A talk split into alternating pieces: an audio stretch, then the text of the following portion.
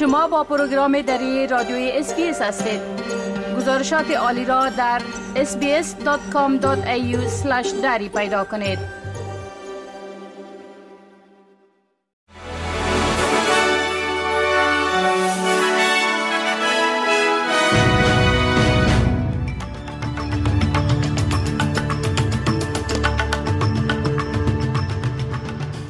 با عرض سلام من فضیلت هستم شما را به شنیدن مهمترین رویدادهای روز دعوت می کنم.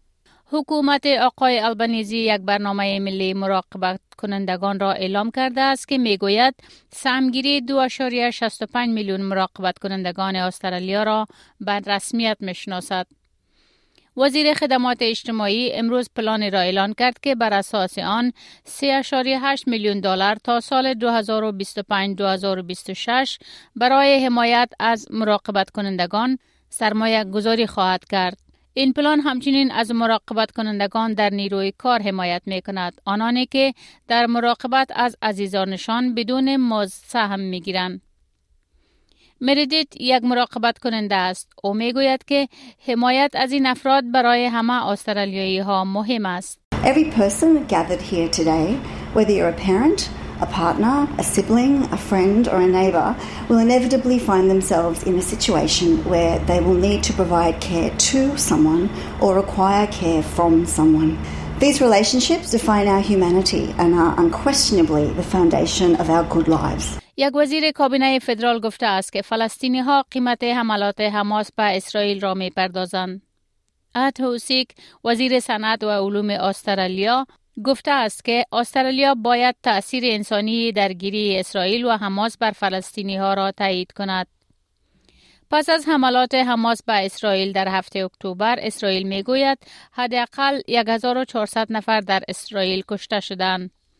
در حالی که وزارت صحت حماس در غزه می‌گوید حداقل 3478 نفر در حملات هوایی اسرائیل به نوار غزه کشته شدند. آقای حوزیک که حملات حماس را محکوم کرده است به رادیوی ای بی سی گفته است که احساس می کند با فلسطینی ها غیر انسانی برخورد شده است. I feel very strongly that uh, Palestinians are being collectively punished here for Hamas's barbarism. I really do feel that uh, the uh, there is an obligation on governments, particularly the Israeli government, to, as we have said, follow the rules of international law uh, and to observe, in particular, uh, that innocence should be protected. مجازات جمعی یک جنایت جنگی است که توسط معاهده در درگیری های مسلحانه بین المللی و غیر بین المللی با خصوص ماده مشترک 33 کنونسیون ژنو ممنوع است. ان علی وزیر آموزش و پرورش دوران کودکی در استرالیا می گوید که باید تحقیقات در مورد احتمال جنایات جنگی توسط اسرائیل در جریان حمله به نوار غزه انجام شود. خانم علی که اولین زن مسلمان در پارلمان استرالیا است، خواستار آتش بس در منطقه شده است. او می‌گوید از میان بسیاری از افرادی که در چند هفته گذشته توسط اسرائیل کشته شدند بسیاری از آنها کودکان بیگناه بودند Well, I think when you look at the death toll, we have over 3,000 people in Palestine who have been killed over a period of two and a half weeks. Over 1,000 of them are children. It is hard to argue that children are Hamas and therefore deserve to pay the price with their lives for the actions of Hamas. کلیساها، مساجد و مدارس مذهبی استرالیا در هر ایالت و قلمرو تحت برنامه جدید حکومت 50 میلیون دلار برای بهبود امنیتشان دریافت خواهند کرد.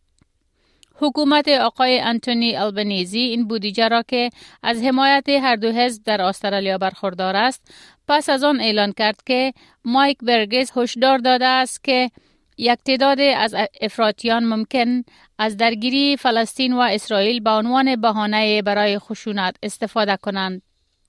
این پس از آن است که 40 میلیون دلار قبلا برای فراهمی امنیت در مکانهای مذهبی و عبادتگاه ها در ماه جولای اعلام شده بود.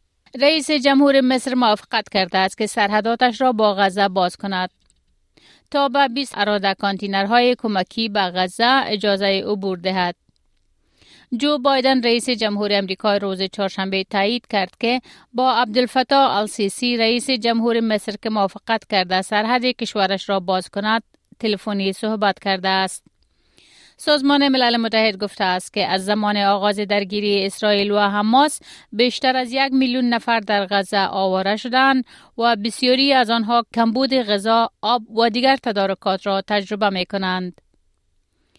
جو بایدن رئیس جمهور امریکا حین برگشت پروازش به واشنگتن پس از سفر به اسرائیل در صحبت با خبرنگاران ایر فورس وان حمله راکتی اسرائیل به یک شفاخانه در غزه را تقبیح کرد حماس می‌گوید در این حمله 500 نفر کشته شدند.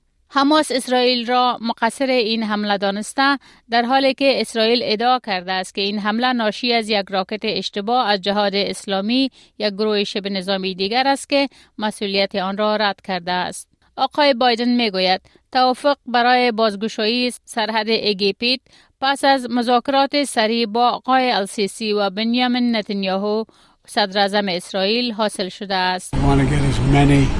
of the trucks out as possible. There's, I guess, 150 or something there. Not all of them will go. The first tranche, if there's a second tranche, see how it goes. The commitment is, if in fact they cross the border, the UN is going to be on the other side and then distributing it. بر اساس یک گزارش از صدای امریکا گروهی از کارشناسان شورای حقوق بشر سازمان ملل متحد از پاکستان خواستند تا تصمیم اخراج مهاجرین افغان را هرچه زودتر لغو کند.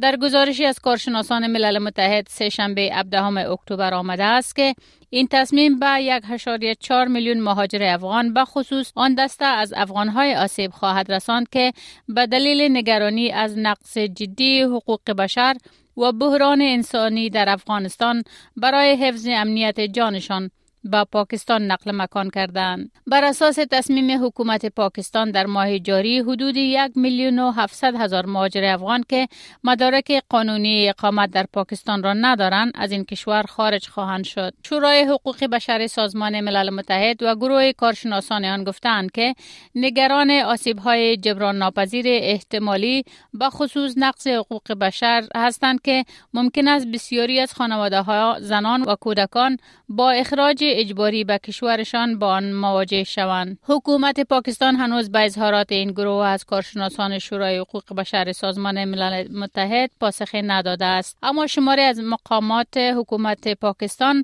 از جمله سرپرست صدارت و وزیر امور خارجه این کشور بارها گفتند که تصمیم اخراج یک میلیون و هفتصد هزار مهاجرین افغان فاقد مدارک قانونی از پاکستان اجرا خواهد شد. این مقامات پاکستانی گفتند این تصمیم تنها بر افغانها تطبیق نمی شود بلکه شهروندان کشورهای دیگر را نیز که مدت اقامت قانونی آنها در پاکستان به پایان رسیده است در بر می گیرد.